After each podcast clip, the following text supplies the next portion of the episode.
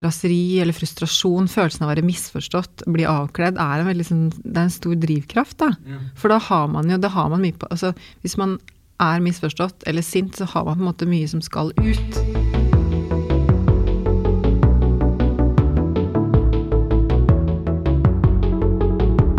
Dette er Skapelsesberetninger.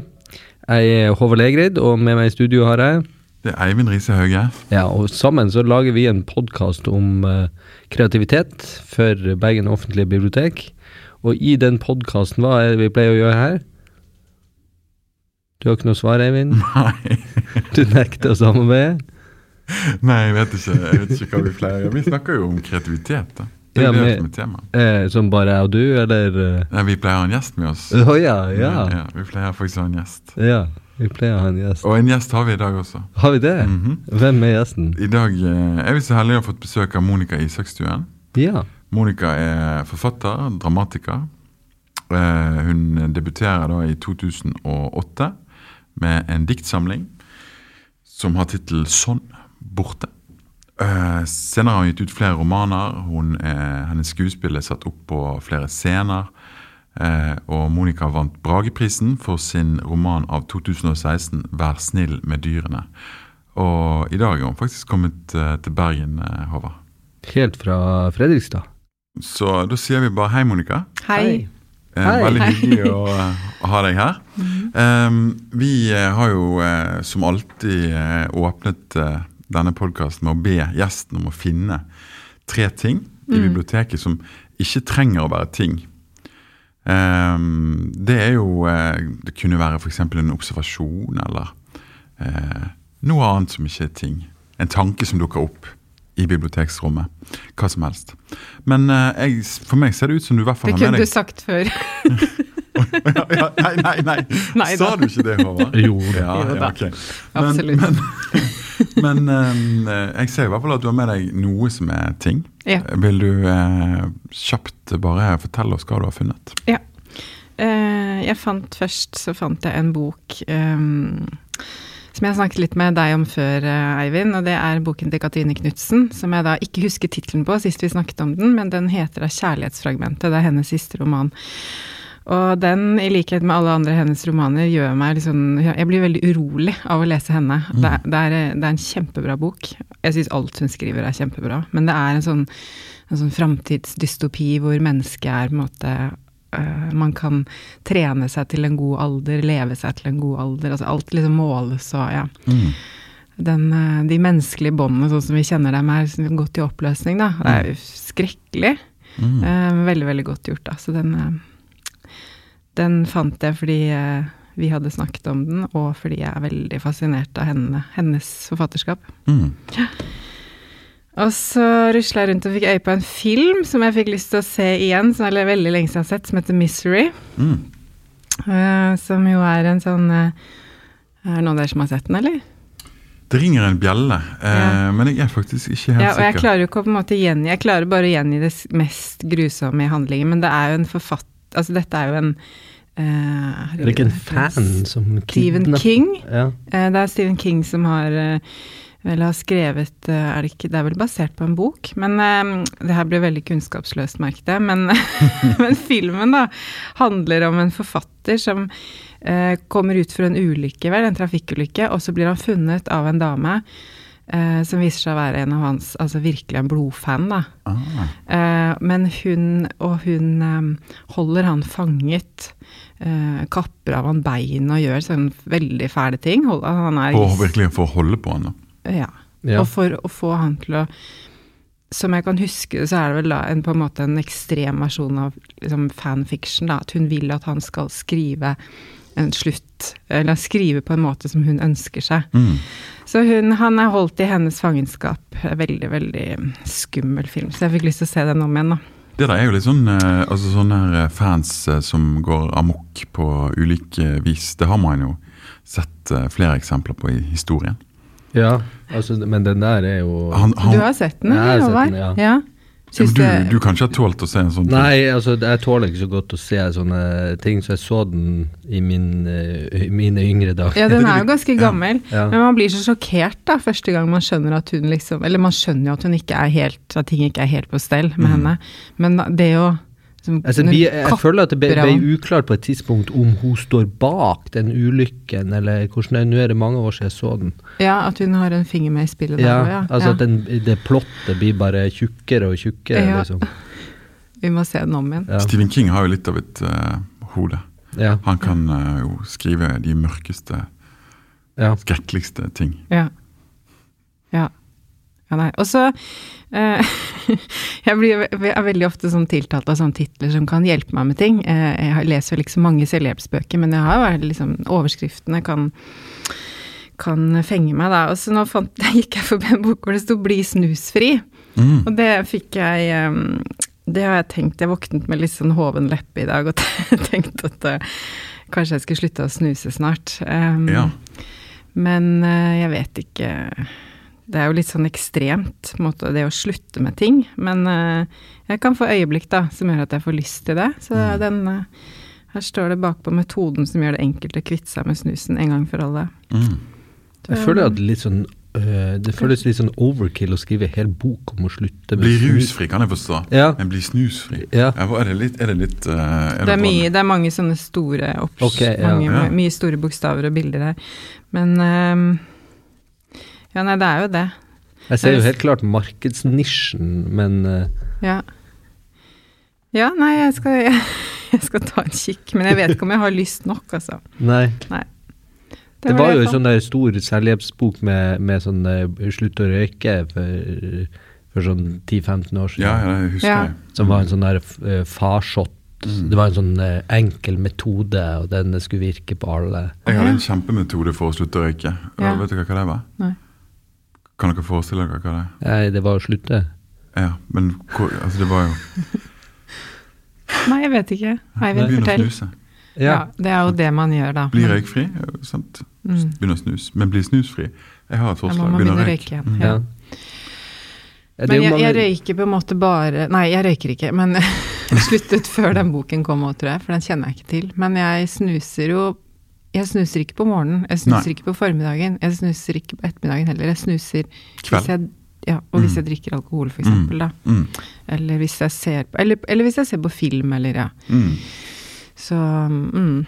Du, du er ikke noen stor snuser, eh, rett og slett? Nei, men, men eh, alt jeg gjør når jeg først begynner med det, har en tendens til å bli mye. Ja. Sånn at det, da jeg røykte, så, så ble det, det Jeg kan ikke røyke én røyk, jeg må røyke hele pakka. Eh, Ja. så ja, det blir jo det samme med snus, da.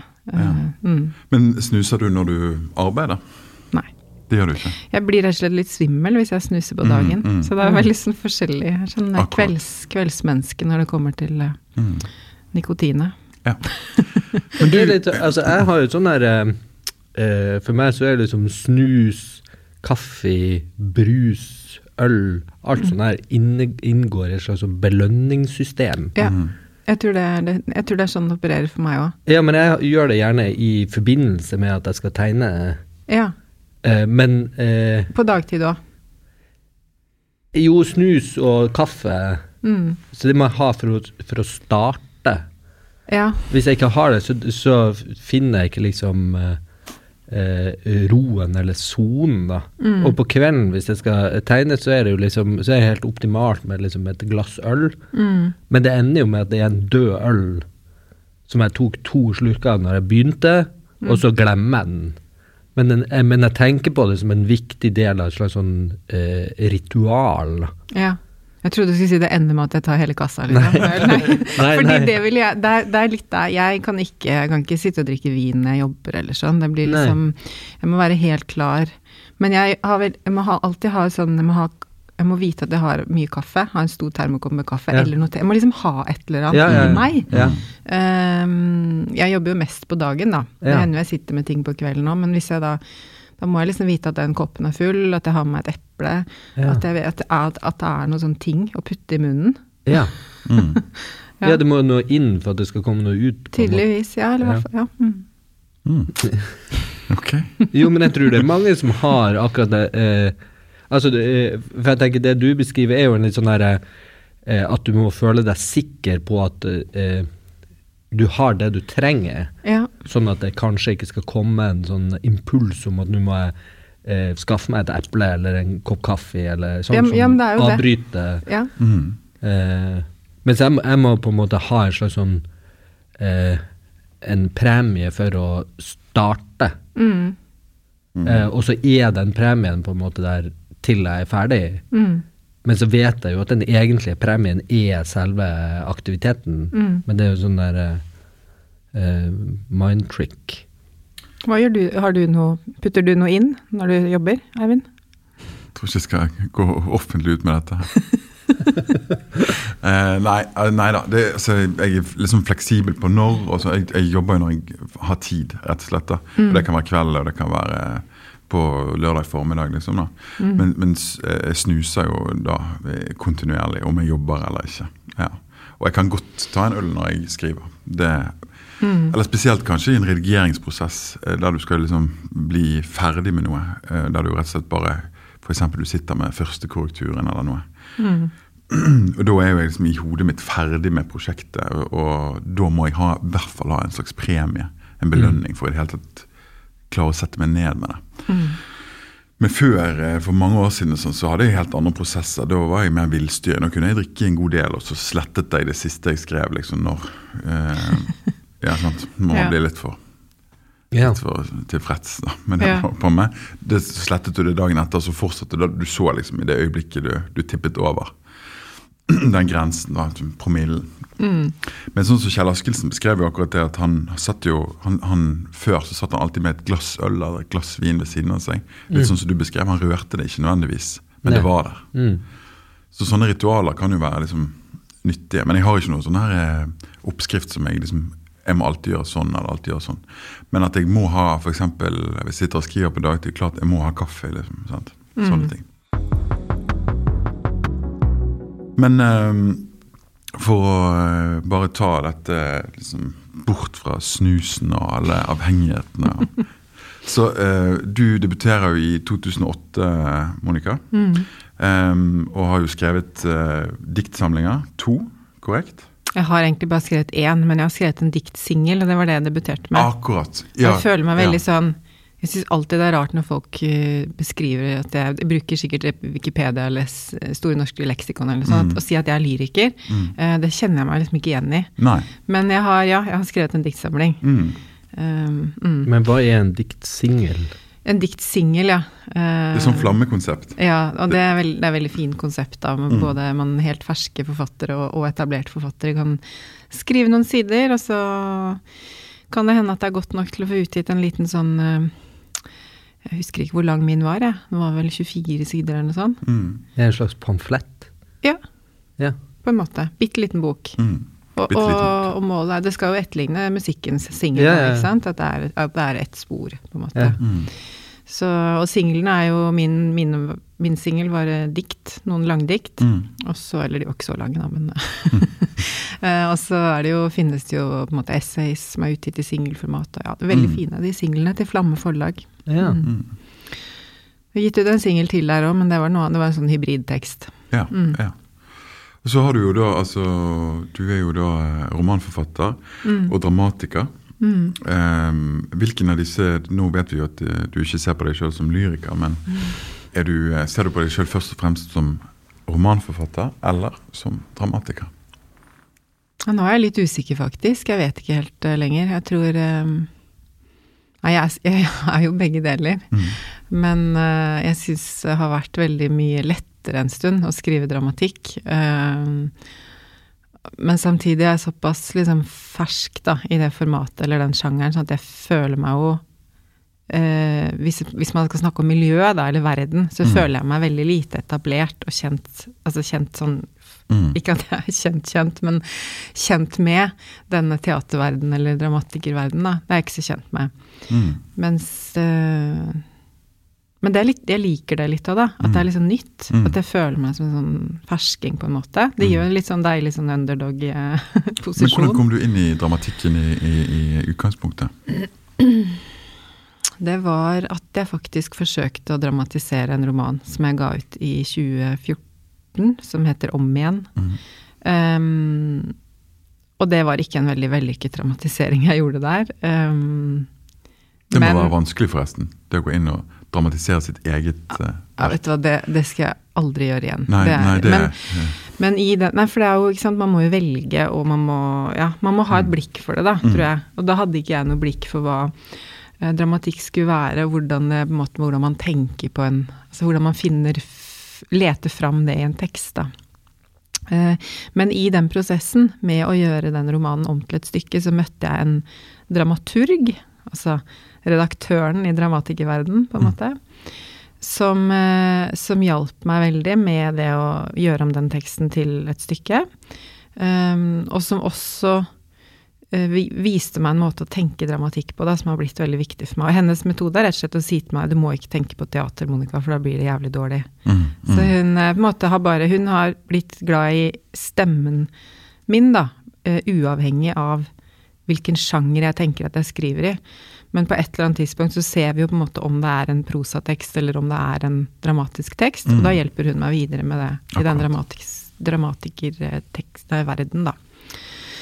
Så det var vel egentlig takket være henne at jeg kom inn i, inn i det, og at jeg forsøkte da å skrive mitt første stykke fra bunnen av. Ikke sant? Mm, mm. For du er jo også husdramatiker på Dramatikkens hus. Mm. Eh, vil du fortelle eh, våre kjære lyttere litt om Dramatikkens hus, og hva det er for noe? Ja, Dramatikkens hus er jo et sånt eh, fantastisk sted, både fysisk og men også liksom eh, en eh, et sted man kan sende inn tekster, bli lest, um, få arbeide med skuespillere i rommet. Møte sånne folk som min dramaturg, da, Mari Moen f.eks. Uh, det er jo det stedet uh, i Norge um, som har ansvar for og støtte til å utvikle ny norsk scenetekst. Så de har rett og slett et uh, offentlig, statlig mandat. Eh, og det er veldig veldig viktig for, den, for utviklingen av nynorsk scenetekst. At man ikke bare fortsetter å sette opp de gamle klassikerne, eller kjøper oversatt, eller, eller gjør romaner om til uh, teater, da, som jo også er blitt veldig populært. Eh, Så Dramatikkens hus de står på en måte og uh, suger til seg tekster, uh, deler ut midler til å jobbe med tekster. Um, deler, og det man da kan få, er man kan få økonomisk støtte til å skrive. Man kan få støtte til å bli lest av en dramaturg. Man kan få støtte til å Eller man kan få på en måte verksteder, da, som det heter, hvor man jobber med skuespillere og tester ut tekst. Uh, og man kan også få visningsmuligheter, da, sånn at du kan prøve ut teksten din på et publikum. Mm. Men de er et utviklingssted, de er ikke et de, Man har ikke premierer på Dramatikkens hus, liksom. Mm.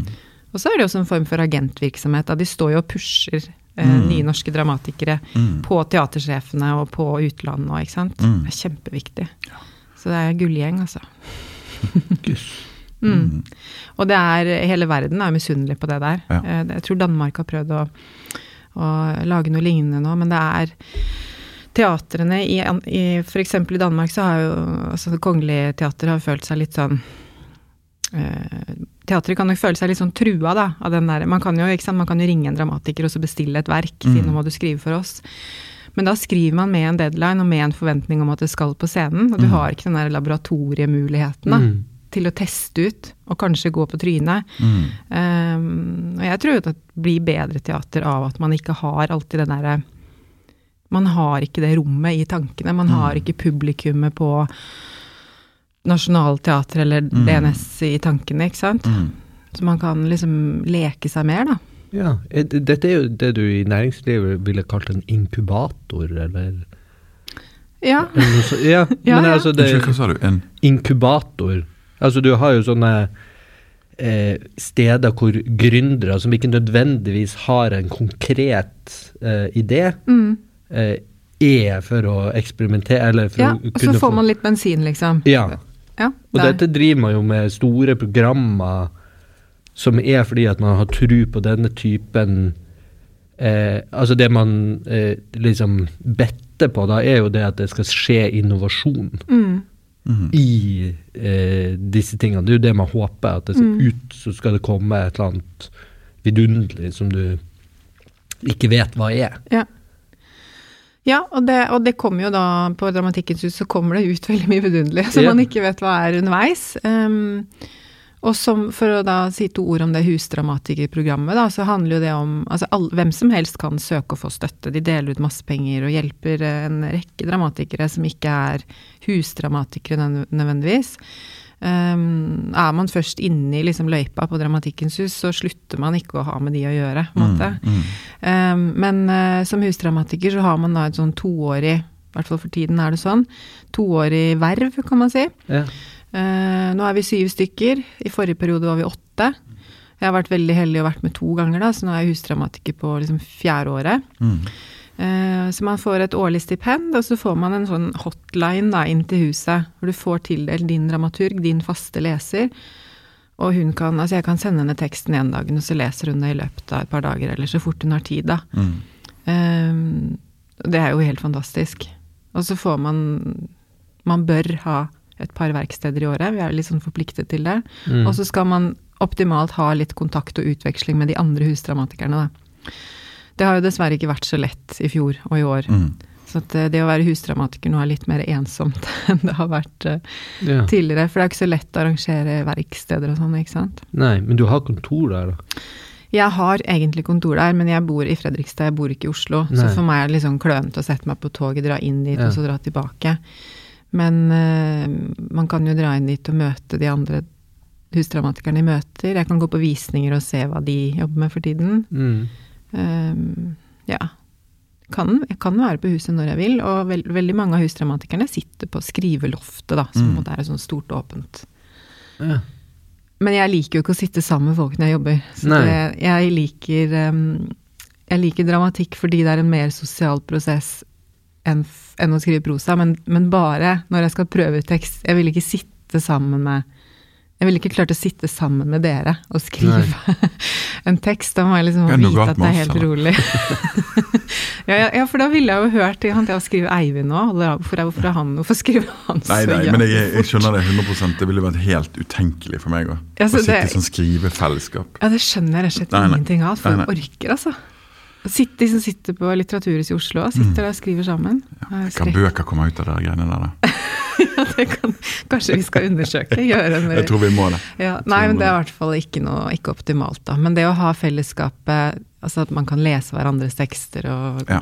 stikke innom hverandres verksteder og sånn, det er jo veldig Ja, Det er jo bare utmerket, tenker jeg. Ja, og det er jo masse å lære av det òg, ikke sant? Se på andres arbeid. Og det jo vært, de har jo hatt veldig mye gode husdramatikere på Dramatikkens hus. da. Ja. Arne Lygre har vel vært. eh, Han var, og han kom også, han har også egentlig, hadde også nå egentlig vel en periode til, men han eh, han valgte å Ja, han har, han har liksom, hva skal man si, er på et litt annet nivå, eller har kommet litt uh, Han har mye oppdrag og Ja. gjør ting, og likevel å jobbe for seg selv, da. Så uten å snakke for mye for han. Men, eh, men det er jo veldig gode, gode forfattere og dramatikere ja, som har vært der. Og så er det jo veldig spennende at de ikke sant? Noen har jo Noen husdramatikere har skrevet dramatikk lenge. Mm. Uh, andre har kanskje jobbet mest med romaner. Mm. Uh, andre har jobbet med dans. Altså de, de prøver å lage litt sånn ja, Få en viss bredde på hvem det er som sitter Mm. og har de der eh, toårige verv nå, da. Så det gjør det jo også spennende å være en del av den. selvfølgelig. ja. Alle, blir, alle finner ikke hverandre, men finner alltid noen Ja, som man sant. snakker litt ekstra med. Og det er kanskje de som jobber lengst unna ens egen form òg. Mm. Ja. Men hvis vi nå skal bare pensle dette litt videre på, på uh, dagens tema Ja, altså jeg vil egentlig høre litt mer om akkurat den derre uh, Altså den ens, altså det at forfattere skriver Det virker jo sånn sett fra mitt ståsted, da, at man skriver alene. Mm. Eh, men når er det du kommer i den at du må, eh, at du må dele? Altså at du må ha tilbakemelding? Mm. Når vet du at du er Det arter seg ganske forskjellig for prosa og for, for når jeg skriver en roman eller når jeg skriver dramatikk. mm, Hva, vil, hva velger du at jeg svarer på? eh, Ja takk, begge deler. Ja, som dramatiker, da, eh, så vil jeg nok Jeg stoler på min dramatur ganske tidlig i prosessen, og Ja. om hun ser at det er noe der i teksten. Så det åpner jeg opp for veldig tidlig. Ja. Eh, jeg har ikke mange lesere, det har jeg ikke. Nei. Men jeg kan ganske tidlig jobbe med um, skuespillere og få dem til å altså da, da setter man seg først Man bestiller tid på huset, Mm. og så får man tildelt noen skuespillere som man kan velge selv eller få valgt. Og så setter man seg ned rundt et bord, og så leser de gjennom teksten. Og så, hvis man er heldig, så har man fått kanskje en dag til. Så man kan gå ut på gulvet, da, som de kaller det, og begynne å jobbe med den. Mm. Og det skjer jo veldig mye da i et sånt verksted. For min del har det vært sånn at jeg da går tilbake igjen og har disse skuespillernes stemmer i hodet, da. Ofte Mm. bruker dem som en slags blyanter til å skrive videre med. Ja. Mens når det gjelder så, der er, så, ja, så der er det en sånn at jeg først skriver litt, og så åpner jeg det opp for noen skuespillere, og så får jeg masse tilbake av dem, og så går jeg tilbake og så skriver litt mer, og så har vi gjerne et verksted til, og så kanskje en visning til slutt, da, hvor, som også er en sånn å erfare hvordan teksten virker på et publikum, f.eks. Ja. Ja. Når jeg skriver roman, så bruker jeg nok lengre tid på å prøve å ja, ja, sånn der jævlig letefase. Jeg syns det er så fælt. Jeg, synes det er, jeg er ikke noe glad i å ha å vite at alt er åpent og alt er mulig, og det syns jeg bare er helt skrekkelig hver eneste gang. Uh, og det tar kjempelang tid før jeg finner ut hva jeg skriver om, uh, eller hvordan jeg skal skrive om det. Uh, og da kan jeg jo også, da har jeg en redaktør som jeg også stoler veldig på, som jeg kan vise til ganske tidlig. Um, men det er også bare én leser, da. Ja. Jeg viser ikke til Noen har jo Sender ut liksom manuset sitt eh, på Ja, til venner og andre forfatterkolleger og Ikke sant. Mm. Det, det å få veldig mange ulike tilbakemeldinger gjør meg veldig usikker, da, hvis jeg, når jeg Mm. skriver. Og det gjør det som dramatiker òg. Jeg syns det har vært helt forferdelig noen ganger å ha de der visningene. Fordi jeg vil egentlig ikke vise fram noe som ikke er altså ikke perfekt, da, men jeg vil, jeg vil på en måte at det skal være bra. Og det å Ja. vise fram noe som er i prosess, Ja. det syns jeg er så skummelt. Og veldig, veldig nyttig, da. ja. Men det har vært en helt ny erfaring. Sånn, og jeg, man, man fått litt hardere eller tjukkere hud på det, men ikke veldig. Jeg har gått gråtende hjem fra sånne visninger på oh, ja. Dramatikkens hus, liksom. Mm. Mm. Det er skikkelig Jeg er jo ikke noe glad i altså jeg, har, jeg har jo ikke hatt veldig mange premierer, men, eh, men eh, de Når jeg har hatt, så har jeg syntes det har vært ordentlig fælt også å sitte i salen og på en måte være ansvarlig, da. For det som Ikke alt som skjer der oppe på scenen, men mye av det som skjer, er jo basert på en tekst, da, ikke sant? Yeah. Og det å sitte og oppleve i sanntid at noen andre også opplever det med meg, yeah. jeg vil helst ikke være til stede. Så det, ja. Nei, det er veldig forskjellig fra Altså, nå kan ikke jeg heller snakke på vegne av noen andre enn meg sjøl, men eh, jeg føler liksom Jeg ønsker tilbakemelding så fort som mulig, liksom. Mm. Har du den typen? Ja, ja du merker jo det. Jeg driver og sender deg ting hele tida. Eh, Ja, men du må vel lage Du må jo på en måte ha fylt arket med noe, eller hva? ja ja, men, men eh, der, eh, For jeg er litt sånn imponert over liksom, at forfattere kan gå og bære på det der verket så, så lenge. Mm. At du liksom eh, Du jobber med det, og så er, så, er man liksom Jeg tenker jo at, eh, at det blir etter hvert så må det jo bli lite forskjell på verket og en sjøl. Altså at det, du er så inni det og jobber med det så lenge. da, At du vanskelig å få den distansen kanskje som, som en leser eller noen andre kan, kan gi. Mm. For jeg føler jo veldig fort at jeg, altså jeg blir blind på det jeg produserer, så vet jeg nå ser jeg ingenting. Nå, nå er det bare eh, streker, så vet jeg ikke om det, om det er bra, og så vet jeg ikke helt om, om var det det jeg skulle lage. Mm. Mm. Eh, og når jeg, men når jeg sitter i prosess og vet at nå er, nå er jeg snart ferdig, så, så begynner jeg å skynde meg, fordi at det liksom Det er snart ferdig. Mm. Og da, for jeg vil liksom Ha tilbakemeldinger? ja, jeg vil vise det til Ja. verden, og noen skal si sånn eh, 'Å, kjempefint', eller eh, altså si noe. Ja, ja. Sånn at jeg får en eh, Ja, korrektur. Da. Ja, man trenger jo det. Ja. Men jeg, jeg syns det er um, Jeg eh, opplever ikke Altså, jeg opplever at den, at den fasen hvor jeg ikke vet hva det er jeg holder på med, er såpass lang, da. Ja. Og da har jeg ikke noe behov for tilbakemelding, for da vet jeg ikke hva Da har jeg ikke noe å vise fram. Da er det liksom bare råtekst eller sånn. Jeg kan skrive veldig, veldig mye, veldig fort, uh, som er veldig dårlig, og som jeg på en måte bare ikke får brukt i så mye. Men når jeg da har funnet ut hva det er jeg holder på med, så går det veldig fort. Og da trenger jeg tilbakemelding. Ja. Mm. Så den siste romanen min, tror jeg, altså den hadde jeg, da hadde jeg stanga rundt og gjort, masse, skrevet masse. Eh, men det var ingenting av det som på en måte hadde endt i noen form som jeg likte. Eller, altså jeg fikk ikke sagt det jeg ville, da. Mm. Um, men da, jeg, da det løste seg, så, så tror jeg på en måte i prinsippet skrev den boka på to, to måneder cirka. Mm. Og da var det viktig for meg å få masse tilbakemelding. Mm. Og da må det gå ganske kjapt. Og så kommer den redigeringsfasen som du snakket om, hvor man Mm. kanskje har et lite glass vin på, øh, som gulrot der og sånn. Men, Mm. men, øh, men jeg, har ikke, jeg kan ikke få tilbakemelding på noe før jeg vet hva det er selv. Jeg, i dramat, når jeg skriver dramatikk, så kanskje fordi jeg syns hun, dramaturgen, er såpass god til å se noe i teksten som jeg ikke selv har sett, da. Mm. Eh, Men jeg er jo også veldig sånn Jeg syns det er veldig vanskelig å se om det jeg skriver er bra eller ikke. Jeg kunne ikke vært redaktør, for jeg klarer ikke å se på en tekst og liksom si at denne kan Eller jeg kan, kan jo si om jeg, jeg liker det eller ikke, men å skulle si at dette kan bli en bok eller ikke, det kunne jeg ikke gjort. Og litt sånn er det med mine egne tekster òg. I går så satt jeg på toget over hit til Bergen og skrev på et stykke som jeg holder på med, og syntes at jeg, liksom, jeg var kjempefornøyd når jeg hadde le levert fra meg det utkastet.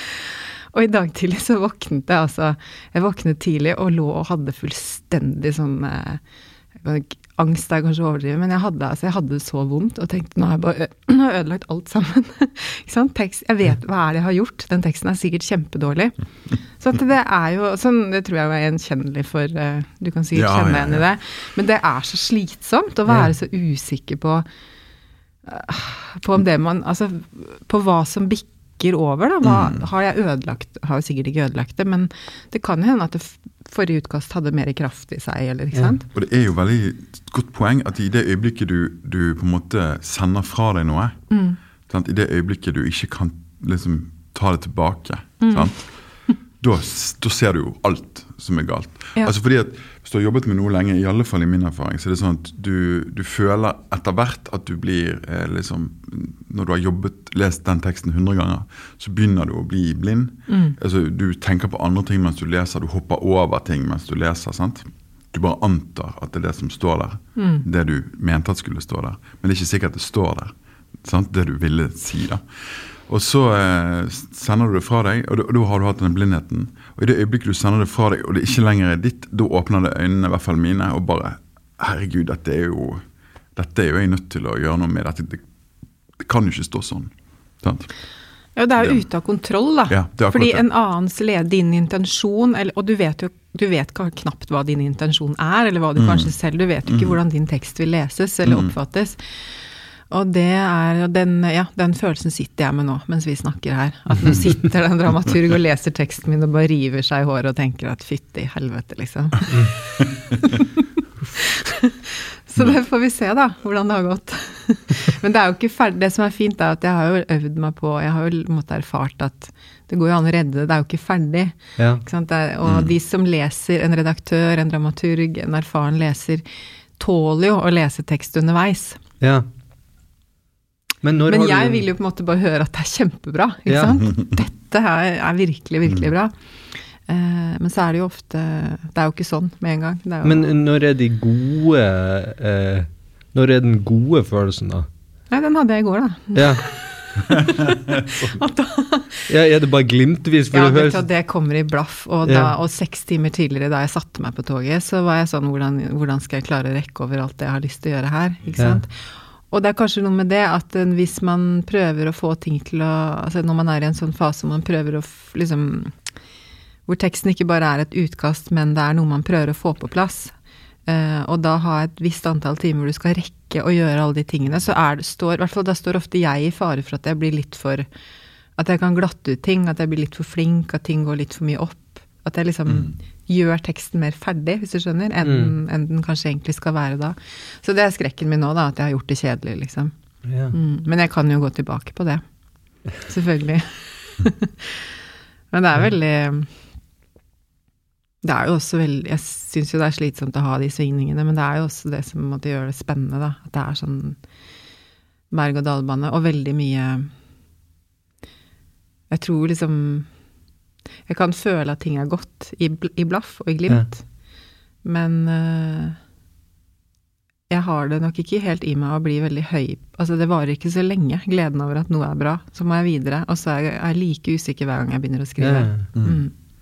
Heldigvis, da. Måtte, Ja, ja. At, at det er der det oppleves som Ja, at det er det skrivearbeidet som er eh, liksom viktigst, eller hva skal jeg si. Det er noe jeg klamrer meg fast til og er veldig redd for samtidig. Ja, for det er Kjenner du deg igjen? Ja, ja. Ja. Absolutt. Men jeg syns jo veldig ofte det å skrive er liksom en lidelse. Ja. Altså, jeg synes det er Og man gjør jo alt mulig for å slippe å sitte der. Ja, ja. Ja. Og, det, og det er bare, du vet du skal sette deg ned og jobbe, og, Mm. og det man driver og, og utsetter ting, og liksom svarer du på noen mailer eller gjør et eller annet, bare for å slippe å liksom begynne. Men så når du, når du først begynner, da, så kan jo det gå bra. Du vet jo aldri hvilken dag du liksom står overfor. da. Mm. Eh, men jeg syns jo at det er liksom Altså 90 slit, da. Mm. Det syns jeg virkelig. Men så har du de der de, dag, de gode dagene der. Mm.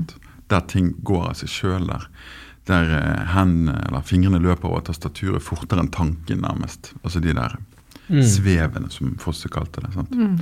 Du har jo de, disse med en liksom, rest av uforklarlighet, en liten magi sant, som Mm. kan oppstå. Og det er jo de skriveøktene man, man lever for, da. I Ja. alle fall. For min del.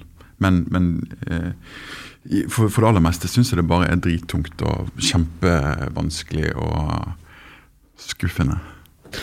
Ja, og så kan det være litt altså Nå har jo ikke jeg vært Nå er jeg jo på en måte forfatter på heltid, fordi jeg også har dramatikken, da. ikke sant? For det kan, Man kan jo ikke leve av å skrive romaner helt, øh, men øh, men øh, det syns jeg jo har vært ganske sånn øh, Det har vært ganske skremmende da jeg skulle Altså det å Jeg har veldig respekt for hva skal man fylle all den tid Altså å ha en arbeidsdag til å skrive, da. Mm. Det, var, det tok lang tid før jeg vente meg til.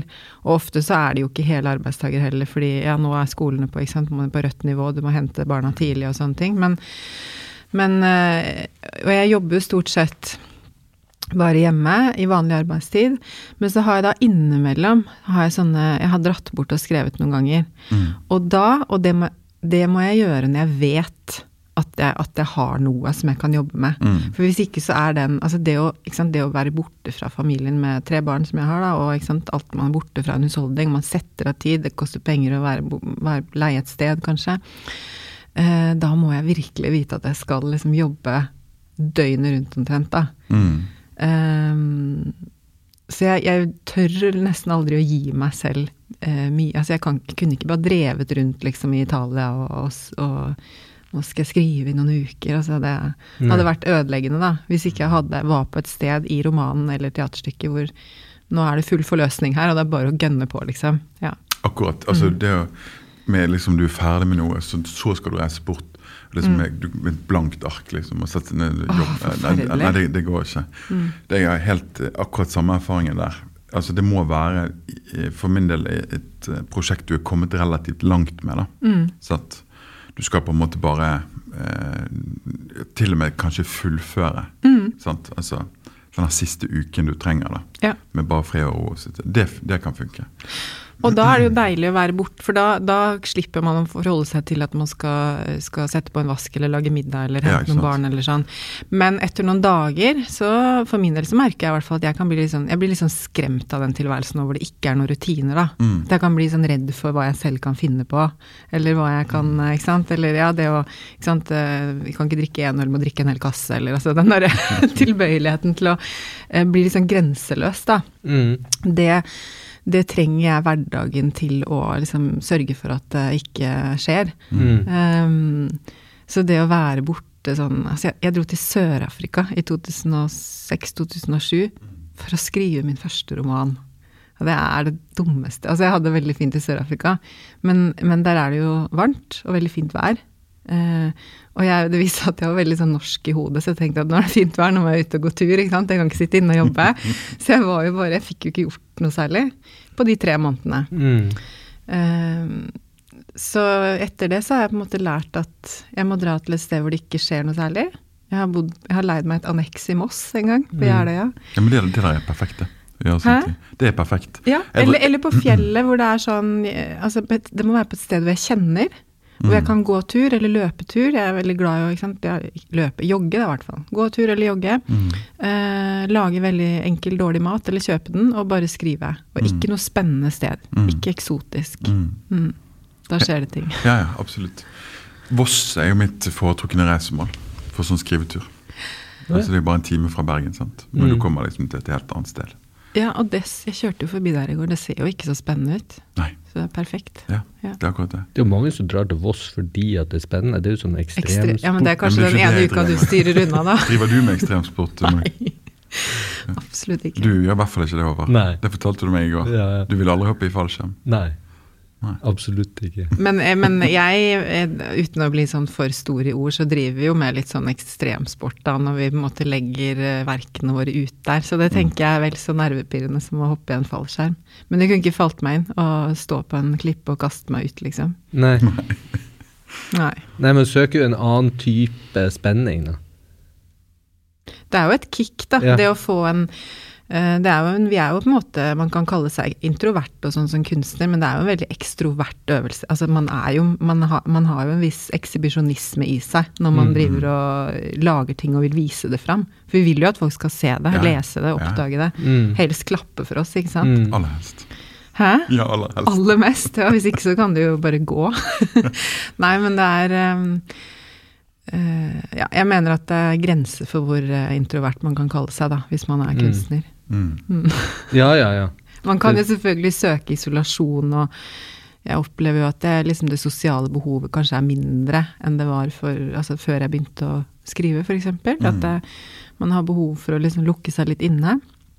Men så er det jo sånn ekstreme, ekstremt sosialt når man kanskje er ferdig med en bok, Mm. bortsett fra nå, da. Eh, eller på festivaler, eller ikke sant. Eller det å bli lest og bli anmeldt og sånn. Mm. Det er jo Man ber jo om bråk, egentlig.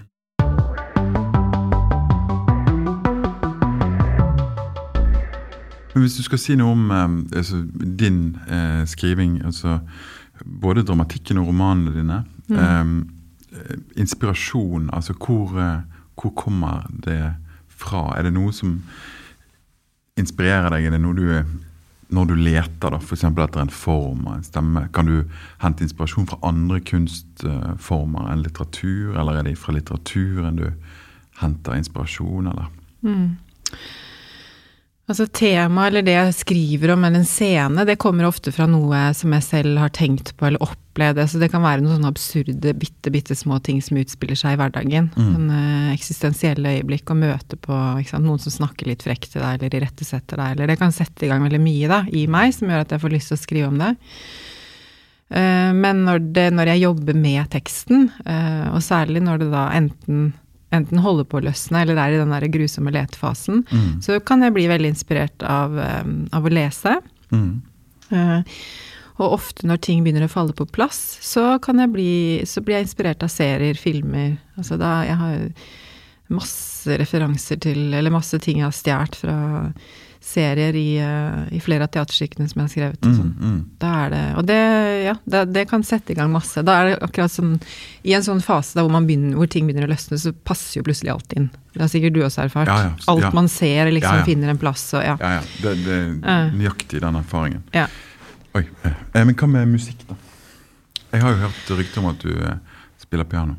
Ja, nei, vet du hva, musikk får jeg veldig litt ut av når jeg, når jeg Jeg kan ikke forholde meg til musikk når jeg skriver. Nei. Um, jeg prøvde faktisk i går, eh, da jeg satt på toget, å høre på musikk, eh, altså instrumental. Det var noe sånn derre, jeg vet ikke, det var, det var et eller annet sånn Man får jo bare spillelister nå, sant, på Ja. Tidal og sånn. Ja. Og det er jo noe sånn strømlinjeform over det, så jeg Men jeg merket at det var forstyrrende, da. Med en gang, selv om det var instrumental eh, jazz, liksom. Ja. Rolig, rolig, rolig. Prøvde å ta det lavere og lavere, og det fungerte ikke i det hele tatt. nei. Um, jeg har aldri skrevet med musikk på øret. Uh, jeg tror um, Altså, jeg det er akkurat som at da jeg sluttet å spille piano, uh, og jeg spiller nesten aldri mer, selv om vi har et piano stående, så er det akkurat som at skrivingen plass, altså tok den plassen, da. Mm. Ble den kanalen. Mm. Og at det ikke er uh, Da er det på en måte ikke behov for eller plass til det andre. Men var du liksom var du, Satset du som pianist? Nei. Nei. Det er også en sånn misforståelse på internett at jeg har vært Jeg har gått på Baratue, men ikke, som, ikke studert der. Jeg, jeg gikk og tok timer der. Ja. Da jeg, jeg kom til en, et visst punkt og en viss alder, eh, på siste år på ungdomsskolen var det vel, hvor min pianolærer i Asker sa til meg at nå har ikke jeg noe mer å lære deg. Mm. Det er jo fair. Mm. Men da hadde jo jeg vært hennes beste elev. Jeg var alltid liksom stjerna på hennes elevoppvisninger. Mm.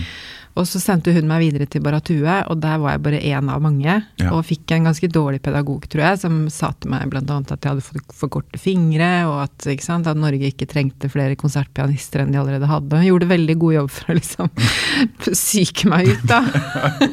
Men det, og dette er jo også mye av ryktet til Baratue, at man, er, man skal ha litt sånn, man skal stålsette seg litt eh, når man går der. Mm. Så jeg eh, satt stort sett og trøstespiste eh, cheeseburgere på McDonald's på Majorstua, og tok tog hjem igjen til Asker og lot som jeg hadde vært og tatt pianotimer. Så Det var helt grusomt. Cheeseburger Ja, men da, men, sant, da hadde jo det med Applausen hadde tydeligvis vært Altså, jeg, jeg, jeg er jo veldig glad i musikk. Um, det er bare at det ikke passer når jeg skriver. Men, uh, og jeg var veldig glad i å spille, hadde enorm glede av det. Um, men jeg var nok også veldig glad i å ha den posisjonen som jeg da hadde hos hun tidligere pianolæreren min. Da? At, jeg var, at jeg var best. At jeg, var, at, jeg, at jeg hadde en posisjon, at jeg mestret det jeg holdt på med. Mens da, det, da jeg bare ble en av mange, så var ikke det Så var ikke den drivkraften sterk nok, da. Nei. Tror jeg. Ellers, og så er det jo også, når man begynner på videregående, så er det jo litt sånn Skal jeg satse på dette? Ja. Eller skal jeg bare Altså, de fleste holder jo ikke på med så mange hobbyer lenger, kanskje, når man Altså, man slutter jo kanskje på alle de derre fot... All den organiserte idretten, Mm. alle de organiserte kulturaktivitetene, de opphører jo på en måte etter skolen. ja. Mm. Og da må man ordne det sjøl. Ja, for min del del så gjorde ikke jeg det helt, da. Jeg tenker jo at det har kanskje noe med liksom sånn identitetsforming å gjøre. Altså det er jo de årene mellom sånn 15 og 20, Ja. så skjer det jo noe med, med en selv, da. At Mm. man uh, Og den barnlige identiteten erstattes av en slags sånn virkelighetsorientering, at man begynner å se litt utover, og så Uh, jeg, jeg kjenner veldig igjen den der følelsen av å uh, At du begynner å sammenligne deg. Mm. Altså man står plutselig i relasjon til andre uh, utøvere, Ja. og da det forringer verdien ja. Det er ikke Altså- lenger bare en lek, da. Det Nei. blir en Du skal satse. Ja. Og, og, og man kan jo også velge altså Jeg husker jo at jeg faktisk tenkte etter ungdomsskolen skal jeg velge, Skulle jeg sjekka ut den der piano, skulle jeg sjekka ut den musikklinja, liksom? Mm. På RUD, som var en skole som jeg da måtte reist litt lenger til. Og, Mm. Men så, så kommer ikke jeg fra noen familie hvor måte, det var ingen som har holdt på med kunstmusikk. altså Ingen som har gjort noe annet enn å ta sånne, det som man før kalte embetsutdannelser. ikke sant? Ja, ja. Så for meg så sto valget hva jeg skulle bli, det sto rett og slett mellom sånne øh, tre-fire sånne forskjellige syv år lange studier. Lege, prest, psykolog eller jurist. Mm. Det, var, Oi. det, var det, jo, men det var sånn jeg tenkte at, at man valgte at man, på en måte, Det å satse på en kunstform, det tror jeg ikke det var noen som ville kommet på å oppmuntre meg til. Eh, det var ingen som sa du skal bli lege. Det fikk jeg vel tvert imot liksom advart. Altså, hvorfor skal du bli det? Du tåler jo ikke liksom å, å se blod, eller Mm. når brødrene dine er omgangssyke, eller ja, sant?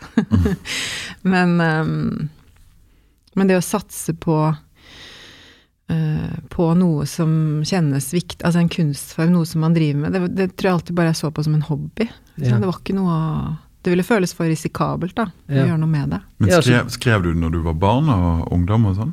Ikke noe mer enn Altså, jeg har alltid lest veldig mye da. Jeg var sånn som leste ut bøkene på biblioteket, og så gikk jeg over på voksenavdelingen tidlig og sånn. Mm. Ja. Men det var ikke noe, det var ikke noe sånn at jeg tenkte at jeg skal bli forfatter når jeg blir stor, eller Nei. Nei. Har du gått noe eh, sånn forfatterutdanning? Nei. Men jeg har gått på eh, jeg har gått på Westerdals reklameskole. Mm. Ikke som tekst, eh, ikke på tekstlinje, men som sånn formgiver. Art director. Mm. Veldig lenge siden jeg var en god formgiver nå, men eh, jeg gikk der i tre år. Jeg ble ferdig der i 2001. Yeah. Og da hadde jeg nok begynt å tenke på altså, Det er på en måte det største spranget jeg har gjort i mitt liv, det var å begynne der og, og, og velge å søke på en skole hvor, jeg, hvor det kjentes som en, en en stor risiko å søke, for jeg visste at jeg kunne få avslag. Ja. Og at det å søke der, det er jo en sånn Man får jo en opptaksprøve hvor man skal være kreativ, ikke Ja. sant. Man, skal, man får noen oppgaver, og, og svaret er ikke, er ikke noe gitt svar, da. Du skal på en måte bare legge noe av deg selv i det. Ja. Um, og det var um, Det har vært avgjørende på en måte for utviklingen videre, da, tror jeg. Ja, det vil jeg tro. Og jeg var, da jeg fikk de opptaksprøvene, så så var jeg så smart at jeg kontaktet den som jobbet i reklamebransjen, og fikk han til å hjelpe meg litt til å utforme liksom annonsene og tingene og de tingene jeg skulle lage. Lagde veldig, veldig gode løsninger, syns jeg. Og så var det én oppgave som han ikke kunne hjelpe meg med, og den var eh, design ditt eget dusjforheng. Eh, og den, den var den siste jeg klarte å fullføre, og den syntes jeg var ordentlig fæl. Uh, visste ikke liksom hvordan skal det, ikke sant. Hva er oppskriften på det, da? Hva, hvordan, hva mener de? Hva skal jeg, hvordan skal jeg lage et dusjforheng fint? Og så, og så plutselig så bare visste jeg hvordan jeg skulle gjøre det. Da hadde jeg den sommeren, da, mens før jeg, eller den, nei, året før, så hadde jeg uh, blitt overfalt med kniv på Frogner. Liksom et, altså et, ja, et, et Mm. forsøk på ran, da. Ehm, ja, i dag, Nå har jeg hørt at det var en dame som var Ja, drept på åpen gate i dag. på Ja. Men jeg var overfalt på vei hjem fra byen, litt småfull og sånn, og en fyr som prøvde å ta veska mi, og jeg ville ikke gi den fra meg. og, og på et tidspunkt så fikk jeg en kniv da, eh, mot meg, og så endte det med at jeg fikk et kutt i hånda. Og jeg ble selvfølgelig veldig, veldig redd etter det her. Eh, så jeg, da jeg satte jeg meg ned, og så tegnet jeg det dusjforhenget. eh, for jeg husker at det, noe av det jeg syntes var skummelt da, ved å dusje, det var at da er man jo, ikke sant, man er naken, man er man trenger ikke å ha sett mer enn liksom Hitchcock for å skjønne mm. at man kan bli angrepet når man dusjer. Så jeg lagde et dusjforheng som var en slags våtdrakt med sånne pigger, da. Pigger ut.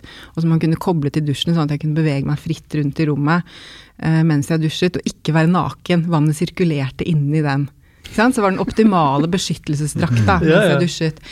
Det tegnet jeg uh, og sendte inn, og det var det som fikk meg inn på skolen. da. Ja. For da sa de at det er veldig bra, de, de, de var veldig fine, de annonsene dine, men de er det jo ikke du som har lagd.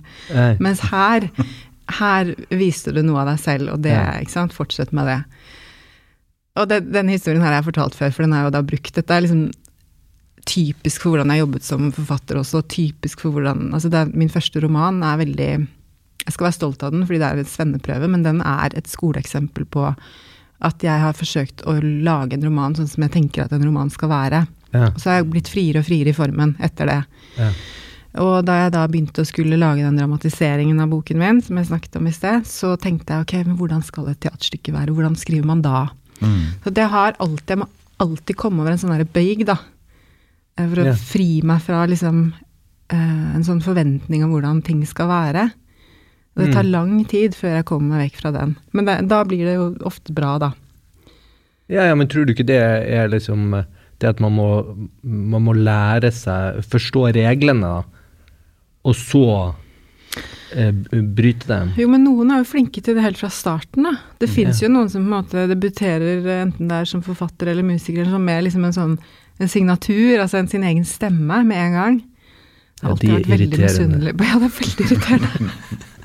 Men de fleste må jo på en måte jobbe det frem, da. Ja. sant? Men du, har du gått noen forfatterskole, da? Skrivekunstakademiet. Ja. Ja. Men der vil jeg jo tro at man lærer eh? Man, Der sitter man jo og leser og leser hverandre og snakker om tekst. Mm. Man vil jo ha en, du vil jo ha en helt annen tilnærming til å skrive din første bok. Absolutt, men du blir jo også veldig påvirket av eh, de andre elevene eller studentene. sant? Mm. Sånn at eh, eh, noen gjør noe kult, og så liksom liksom ubevisst prøver mange å på en måte kopiere. sant?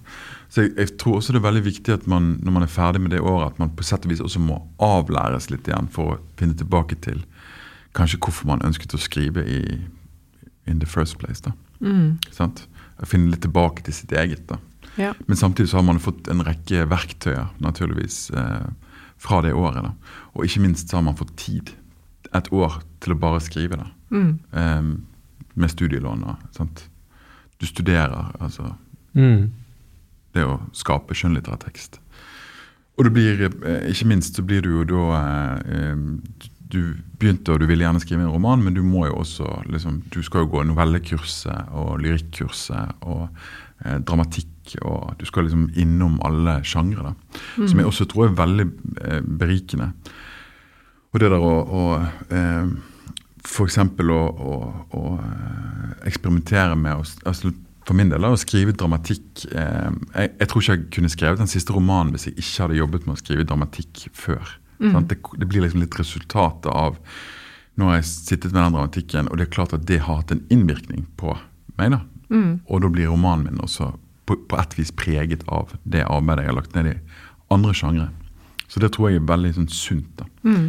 Um, og, og, for man for, for meg, da, du leter etter et, noe nytt, du skal lage noe nytt. Jeg vil liksom aldri gjenta meg sjøl. Prøve liksom å lage et nytt uttrykk. Sant? Og da kan jo redningen være rett og slett et sjangerskifte. Mm. Sant? Mm. Uh, for mitt vedkommende. Så, men du har jo, som vi har snakket om, også liksom operert innenfor i alle fall tre sjangre. Ja, jeg kjenner meg veldig igjen i det der å ville noe nytt, da. Har, mm. Eh, og den eh, siste den romanen som kom nå nettopp, 'Mine venner', den er jo en sånn hybridtekst, ja, på en måte. Er den er ikke dramatikk, men den låner mye fra dramatikken i form av navn på de som snakker. Altså det er jo satt opp som et skuespill, store ja, deler av boken. Uh, mens andre deler av boken uh, kan jo også se ut som et langdikt, eller at det ser mm. ut som poesi. Men det, det, er jo ikke poesi. Det har mm. ingenting med poesi å gjøre. Men, uh, men, det var de hyppige linjeskiftene som på en måte ga meg fart da når jeg begynte å skrive. og fant Og bare Altså, jeg hadde så panikk i fjor høst, for jeg, jeg var jeg hadde da slitt lenge med å finne liksom form til det stoffet som jeg ville skrive om. da. Mm. Um, og det er ofte sånn at formen, altså formen og innholdet jobber jo veldig med hverandre. på en måte. Så, så, jeg tenkte på et tidspunkt at nå, åh, nå må jeg liksom jeg gir meg selv fram til jul. og Hvis ikke jeg har noe skikkelig bra da, noe som det svinger av, så må jeg bare legge vekk de romangreiene. Og så får jeg konsentrere meg om det jeg skal neste år, nemlig å skrive et stykke da, nå i år. Og jeg visste at jeg hadde, ikke, jeg hadde ikke mer tid til å sitte og stange med den romanen etter jul. Og så bare Og så tenkte jeg litt videre, så at ok, jeg får bare skrive, og så prøve å tenke at det ikke hvis, hvis, det blir en roman, så er det bra. Og hvis det ikke blir en roman, så kan det hende at det kan bli et stykke. ikke sant? Og da jeg ga slipp på det, da, igjen, eh, mitt indre bilde av hvordan jeg ville at det skulle se ut, så løsna det. Mm. Og da lånte jeg veldig mye av et ungdomsstykke som jeg hadde skrevet, om vennskap og uvennskap. da, og den, altså det liksom eh, Den oppløsningen som jeg ville ha fram. Eh, hvor man, man kan oppleve gjennom å være i mange ulike relasjoner, da. Og allikevel klare å ha en sånn kjerne i seg selv. Så jeg, jeg, Da var det på en måte dramatikken som hjalp meg med å forme den teksten, da. Um, så jeg opplever jo at det er veldig berikende å skrive innenfor flere sjangre. Men jeg tror ikke at min neste roman nødvendigvis vil se ut som en hybrid i så stor grad som den gjør nå. For det er også litt sånn deilig, to veldig forskjellige rom å være i. Og det er litt deilig å ha den At det der skriverommet når man, er, når man skriver roman, da, eller, eller eller, at, at, det er helt eh, At det på en måte er helt fritt. Det er ingen andre som har noe med det å gjøre. Mm. Ja. Fordi, det som jeg vet eh, vi har snakket litt om, Håvard, mm. det er jo Du fortalte meg at du har jo nå hørt uh, Rase på lydbok. Ja. Og så sa du at uh, du syntes det var veldig ubehagelig. Ja, utrolig ubehagelig. utrolig ubehagelig. Ja. Uh, så da Hva var det du syntes var så ubehagelig, Håvard? Nei, altså uh, Tar du det som et kompliment, forresten, at det var ubehagelig å høre på rase? Ja, ja, veldig. ja. Uh, jeg syns det er behagelig at du syns det er ubehagelig. Ja. Nei, altså, jeg, jeg, tror jo Eller iallfall for meg, da. Så, så og Rase er altså romanen som kom i 2018. Ja. ja. Og den handler da om eh, en mor som, er, som, føler seg veldig sint. Mm. Eh, men for meg så ble den eh, Nå har jo jeg to barn. Eh, mm. som jo etter hvert blir litt store, men eh, jeg tror rett og slett det var for tett i tid. Mm. Sånn at den opplevelsen ho, eh, hovedpersonen har med sine barn, mm. Den er for nært min egen opplevelse. sånn at jeg liksom Jeg følte for, det for sterkt på, og så ble det så ble det nærmest litt sånn forvirrende. Mm. Hadde jeg det sånn? Mm. Og så kjente jeg igjen Ja, det var litt sånn. Mm. Og så uff og så kjente jeg ble ubalansert av å liksom ble vippa av pinnen. Mm. Av at jeg ble så eh, så inni Og så er det jo når du lytter Jeg tror også det er en forskjell på å høre på lydbok. Da. Jeg foretrekker jo det eh, generelt, men jeg eh, lytter jo på mest faglitteratur, da. Mm. Men den lydboka kommer jo helt inn i skallen din. Ja, du kommer jo ikke unna. Nei, og så er jo hun, eh, hovedpersonen er jo inni skallen sin. Mm. Og da ble jeg litt sånn inni skallen hennes, og det var jo et veldig trykkende sted å Mm. Ja. være. Så, så det var den eh, opplevelsen. Men, men det var jo eh, sånn sett en eh, Det var en sterk opplevelse. Dette var jo noe litteratur som jeg aldri ville ha oppsøkt av, av meg sjøl. Ja. Fordi at det er nettopp det der ubehaget som, som jeg søker å styre unna, fordi at det er Du har ikke lyst til å fylle livet ditt med ubehag? altså? Nei. Men, du, men jeg tror også ja, Det kan hende at du ville fått en annen opplevelse Eller du ville nok synes det var ubehagelig hvis du leste teksten også, men, det, men eh, teksten er jo på en måte Den gir deg noen graf, Rent grafisk så gir den deg noen pauser, da. Ja. Fordi at jeg bruker eh, Det er en del korte tekster på sidene, ikke sant. Det fyller Mm. ikke sidene helt. Eh, Mens eh, når du har en lydbok, så er det jo grenser for hvor lenge forfatter eller skuespilleren kan eh, gi deg pause, uten Mm. at du tror at nå er det over. Sånn at eh, jeg tror at måten den er satt på i bokformen, vil oppleves som annerledes enn når du hører, hører det lest, da. Ja, altså, da det er jo det jo helt- helt klaustrofobisk. Ja, altså det er jo helt klart to ulike medium. Mhm. Eh, så den er jo remediert som, som lydbok. Ja. Og det må man jo eh, sette pris på, at dette er den remedieringa gjør noe med eh, eh, boken, altså Mm. det litterære innholdet. Mm. Eh, for det er det, det, er jo ikke det samme Og jeg tror jo ofte så har man jo snakket om lydbøker som en slags sånn annenrangs mediering. Altså da, da er du borte fra originalkilden. Eh, kilden. mens jeg, jeg syns jo at man skal forstå dette som som et eget, en eh, uttrykksform som har sin egen eh, eh, kunstferdighet. Mm. Jeg hørte en veldig interessant podkast om hvordan blinde opplever litteratur. da. Mm. For de, eh, de nærmer seg jo litteratur som oftest eh, som lyd. Og der var det intervju med en blind som snakka om eh, altså at stemmer har tekstur. Ja. Eh, og, og at eh, eh, Og han sammenligna men, han- men han var blitt blind, da. Så han, han hadde vært scene, og han hadde vært typograf, og han snakka om at innleseren kunne være typografi. Altså at eh, selve hvordan bokstavformen var i stemmen til oppleseren, og dermed hvis du hadde en veldig god oppleser, eller Og han talte litt for at liksom visse forfattere burde ha eh, no, altså et repertoar av eh, skuespillere eller innlesere for å bære på samme måten som du typesetter en bok. Altså du har et forlag som gjør et design på, på boka. Det var Ja. utrolig interessant å tenke på. Ja, og jeg har valgt å la Det er vel to forskjellige som leser 'Vær snill med dyrene og rase', men, men begge to er med i Mine venner på lydboken. Ja. For der er det flere skuespillere. Så den burde du høre, for den har Mm. blitt nesten radioteater. Ja. Men, men i prinsippet så tenker jeg jo at uh, den er Når du hører lydboken, så er det jo allerede gjort en fortolkning av teksten.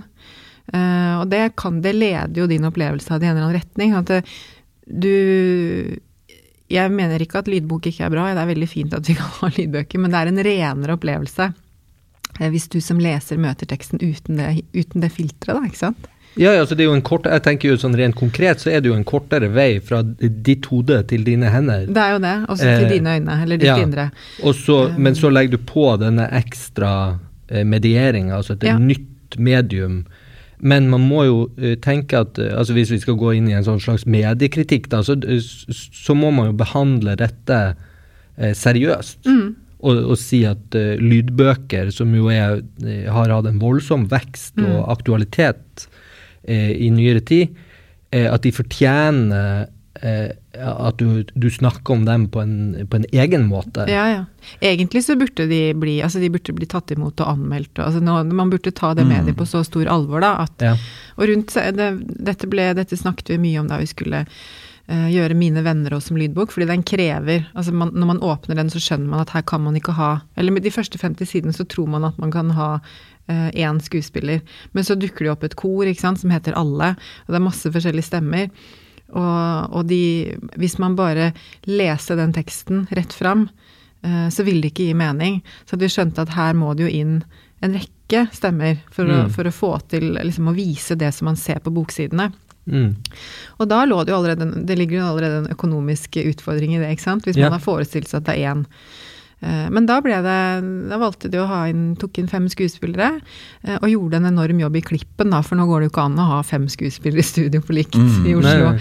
Sånn at eh, Og det, det ble jo en helt fantastisk resultat, og veldig gøy, og et sånt bevis på at eh, lydboka eh, på en måte blir en helt egen opplevelse, da. Ja, ja, ja. Det blir jo radioteater, eller Ja. ja. på en, sånn, ikke helt det, for de spiller jo ikke helt ut, men det er helt sånn Ja.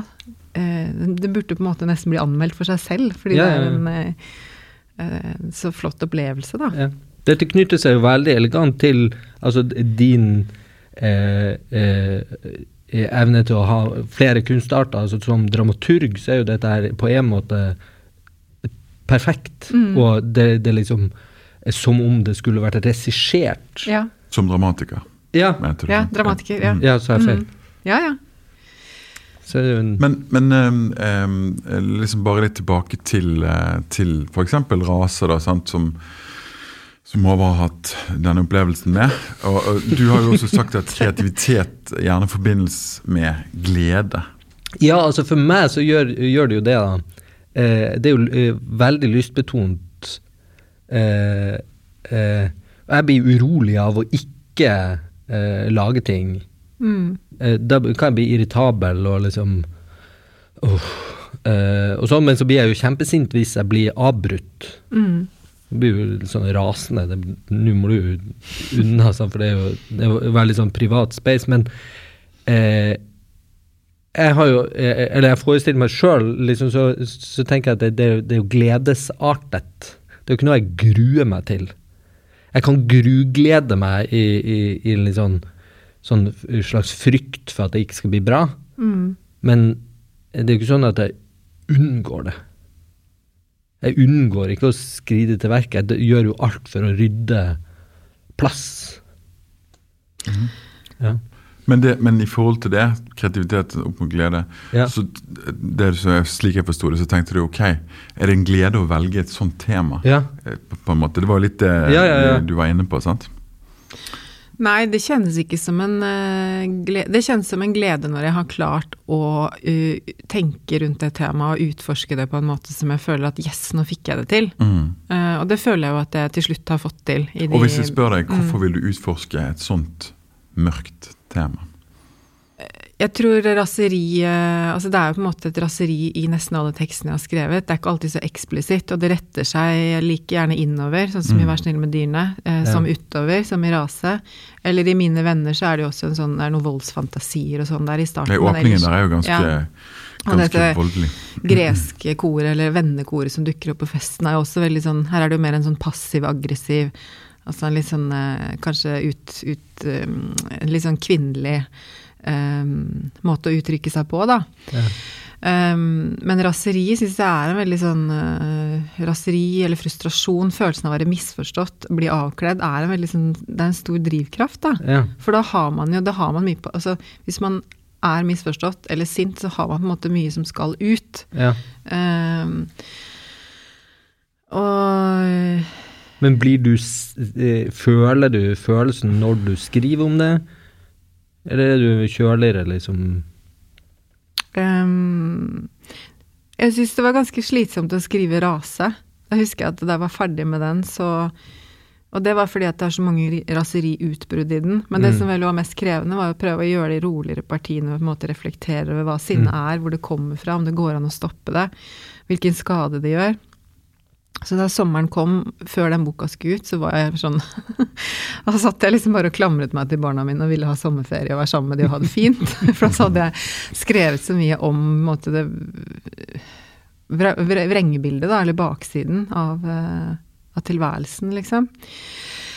Um, altså ikke nødvendigvis min tilværelse, da, men den tilværelsen med, med, et, ja, med et indre sinne, frustrasjon. Mm. Men det er eh, Det er jo ofte det som Det er jo skam eller frustrasjon som setter i gang tanker Ja. i meg, og som gjør at jeg får lyst til å skrive om Ja. Altså, i, I mine venner er det jo ikke det gode, deilige vennskapet som flyter sånn uhildet mellom deg og meg. Det er jo ikke det jeg er interessert i. Jeg er interessert i følelsen av avvisning. Det ville vært en veldig vanskelig bok å skrive. Ja, og da må du skrive, må, men det fins jo sånne små bøker, ord om vennskap, ord om kjærlighet. Da må du kjøpe de. Men, men det, Det er allerede men gjort, det, sant? det er gjort. Um, og, eh, Nei, så da er det den derre Det er jo de bitte små, den derre liksom, følelsen av avvisning, følelsen av at eh, du står litt i gjeld til meg, eller jeg står i gjeld til deg, eller hvem sin tur er det nå til å liksom Ja. Eh, eller hvorfor har du som Hvorfor kaller du meg bestevenn og meg bestevenn og meg beste... Altså, det er sånn Alle de der bitte små følelsene som er sånn flaue, Ja. eh, de er det jeg vil eh, ville behandle da i den boka. Og det, det er faktisk Det tror jeg er nesten den eneste gangen jeg kan si at det var gøy å skrive. Jeg Ja. syns jo ikke det er i likhet med deg. Det er jo ikke gøy å skrive. Det kan være deilig å formulere Ja og få til en setning. Men, eh, men jeg kjenner meg også igjen at jeg blir, jeg blir irritabel, sur, misfornøyd med meg selv, dårlig, uh, hvis jeg ikke får jobbet på mange Ja. dager. Men det kan allikevel oppleves som slitsomt å sette seg ned. Mm. Og det er handler vel ofte om frykten for at man bare skal ikke få til noe. Mm. Det skal være ræva. Og de dagene har man jo. De er det flest av. Ja. Så de der blaffene altså, av at det går bra, det er jo Men det, det der var liksom et to måneder langt rush, da, som var yeah. veldig yeah. hysterisk eh, gøy innimellom å skrive de kjenner meg veldig igjen i, i det der. Også, sant? Akkurat det der. Sant? For det, eh, den, den siste boken min, det er jo liksom eneste gangen jeg kan huske at det liksom, jeg har hatt i hvert fall en del gøy da, med å skrive. Ja, der har jo du en stemme som er veldig kraftig, og drevet av frustrasjon, da. Ja, sant. Raseri. Eller skuffelse, som du, du sier. Si fortvilelse. Du, si, du mener at Rorgen er skuffet. Skuffet er en passiv følelse. Han er, han er, jo, han er jo på en måte illsint. Han føler seg Ja. misforstått. Ja, ja, ja, selvfølgelig. Men det som var gøy med, med å skrive om en sånn skuffet mann, var jo Nei, nei, skal jeg slutte å tulle med det. Men det som var, det som var gøy, selvfølgelig, er jo at, at uh, i det øyeblikket du finner stemmen, da sant? Og det kan jo være altså Det kan jo dette ned i deg. Sant? Så plutselig så er stemmen der. Og du vet at stemmen er der. Og da er det jo ikke noe problem. Da er, det jo, da er du jo der, da. Da er du som en skuespiller som tolker en rolle. da. Sant? Og så er du der, og så kan du si i den stemmen så kan du si hva faen som helst. Ja. Sant? Hvis det er naturlig for den liksom, Ja. skikkelsen å si dette, og hevde dette og mene det. Eh, og så er det jo liksom det der å skape eh, liksom kompleksitet rundt eh, eh, Du vil jo at leseren både skal følge med vedkommende, samtidig som leseren forakter eh, de tingene han gjør eller har gjort. da, sant? Og også sier. Så liksom å skape denne, det spennet i et menneske Og det er jo, det er jo nettopp slik at eh, et menneske er jo ikke én ting. Sant? Det har dager, og det er så mye forskjellig. sant? Ehm, men eh, akkurat eh, Selvfølgelig raseri og selvfølgelig fortvilelse og en dyp, dyp skuffelse. ja, altså, Altså, du sa det med, med skam, så tenk, tenker jeg liksom Du har jo i, i, da, i flere verk valgt det jeg forstår som liksom anti eh, Altså eh, gift for kreativitet har, har du valgt som selve temaet. Altså, skam det blir jo fremheva i litteraturen som det, det mest hemmende for eh, kreativ produksjon, er følelsen av skam.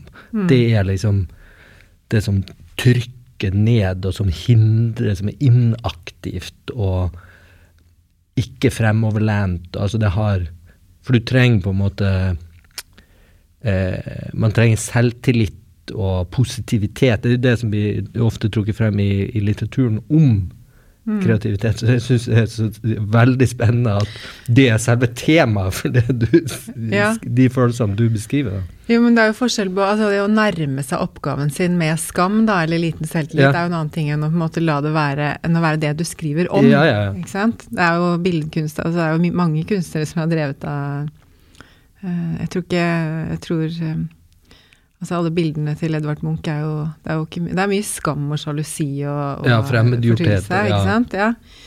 Um, man kan jo håpe at det ikke var Ja, var sånn å skride til verket. Men Mm. um, uh, Jeg vet ikke. Det er noe med Jeg syns det er Jeg syns jo den um, Altså alle de følelsene og opplevelsene som Eller de Måten vi fyller rollene våre med, da, enten det er som foreldre, enten det er som mor eller, eller venn eller, eller uh, kjæreste eller Ikke sant. At um, å jobbe med hva baksiden av det bildet, er jo det som interesserer meg. Mm. Uh, Altså, jeg leste noe som jeg syntes var en sånn veldig god formulering som ble sittende i hodet mitt. Eh, det var, altså når jeg var eh, eh, ungdom, så, så, var det ei sånn tegnebok som ble holdt frem som het 'Å tegne er å se'. Mm. Som jeg avskydde i store deler av livet mitt. Den tror jeg kanskje jeg også har vært borti. Ja, helt grusom. Men også inneholder veldig mye eh, riktig innsikt. Og så kom jeg til et punkt hvor jo, men det er riktig. Mm. Det er å se. Uh, og så har jeg tenkt ja, må, du må se. Du må se. Du må, altså den insisteringa på å se og gjenskape på en måte uh, det du ser i, i, i, din strek eller sånn. Uh, men så kom jeg over en annen så jeg, jeg husker ikke kilden, men som sa at nei, nei, du skal, du skal tegne det du føler. Mm. Og det er jo på en måte nesten level up, da. Da er du da er du ferdig med å, å se. Mm. Da ser du, men tegner sånn du føler det du ser. Mm. Og det, det, blir jo nesten det der eh, litt metaperspektivet som du kan ha. Altså, mm. At det er Du skriver om følelsen av skam, men du skammer deg ikke over den. Nei. Nei, det gjør jeg ikke. Nei. um, men um, sånn som um Eh, hvordan, hvordan, men hvordan er det oppleves det for deg å behandle da, litterært disse, dette ubehaget som Håvard føler på når han, eh, når han hører det på lydboken? Hvordan, hvordan, er det altså Blir du selv eh, blir du, du, nevnte at du ble sliten eller du var liksom sliten etter å ha skrevet 'Rase'. Mm. Eh, så tar du det liksom inn, eller klarer du du var vel inne på det, klarer du å holde den der distansen da, som på en måte kanskje også er nødvendig? Altså, det er jo ofte en uh, Man kan jo bli litt sånn kvalm av å snakke om å skrive og, altså, og det å utforske noe, men det er jo, jeg syns jo ofte det er spennende. Det er, jo, det er jo ting jeg lurer på, da, eh, mm. når jeg begynner å skrive. Uh, det kan være noe jeg bekymrer meg for, eller ikke liksom ser løsningen på. Mm. Um, og det det må nok ligge et sånn veldig sterkt personlig engasjement i bånn av det når jeg setter i gang, at det er et, sånt, at det er et problem. Som godt kan være et problem for meg. Um, Um, men som jeg da kan liksom belyse på forskjellige måter, da. Og da, når jeg skriver da, så ligger jo gleden i å klare å uh, altså da, da, baller det jo på seg. Da, det jo på måte, da finner jeg jo en hovedperson som jeg kan dytte ganske langt inn i situasjoner mm. som jeg ikke nødvendigvis har vært i selv, men som jeg liksom kan, kan, jeg kan kjenne meg igjen i utgangspunktet for dem, eller kjenne meg igjen i tankegodset eller i sinnsstemningen eller sånn. Men da handler det jo om at jeg kan oppleve en sånn enorm glede når jeg klarer å liksom når plutselig teksten skriver seg litt, da, det skjer jo veldig sjelden, men når det plutselig skriver seg litt, og jeg kan uttrykke noe sånn presist som jeg knapt kan liksom Jeg kunne ikke sagt det, jeg kunne ikke tenkt det, men jeg, men jeg skriver det. Det står plutselig der. Mm. Noe om raseri, eller følelsen etterpå når det har lagt seg, eller ikke sant. At det er Det ligger det en veldig stor glede i, da. Mm. Og jeg tror jeg bare husker sånn med, med 'Vær snill med dyrene', som da har kommet i 2016, uh, og som jo handlet om en sånn følelsen av en sånn umulig deling. Både å dele et barn, men også å dele liksom Å være sånn av-på-forelder, da. Um, da var jo det noe jeg aktivt hadde holdt på med selv i noen år. Og gjennom den boka så følte jeg at jeg fikk tenkt en god del, som gjorde meg rett og slett litt roligere, da. Mm. Mm. Også i at eh, det var vel den første boken jeg skrev som jeg kan huske at jeg liksom gruet meg litt for hvordan jeg følte når jeg skrev den at, at jeg var litt gæren, og jeg tenkte at dette må aldri noen se. Altså jeg visste ikke at, jeg visste ikke at det skulle bli en bok, ikke sant.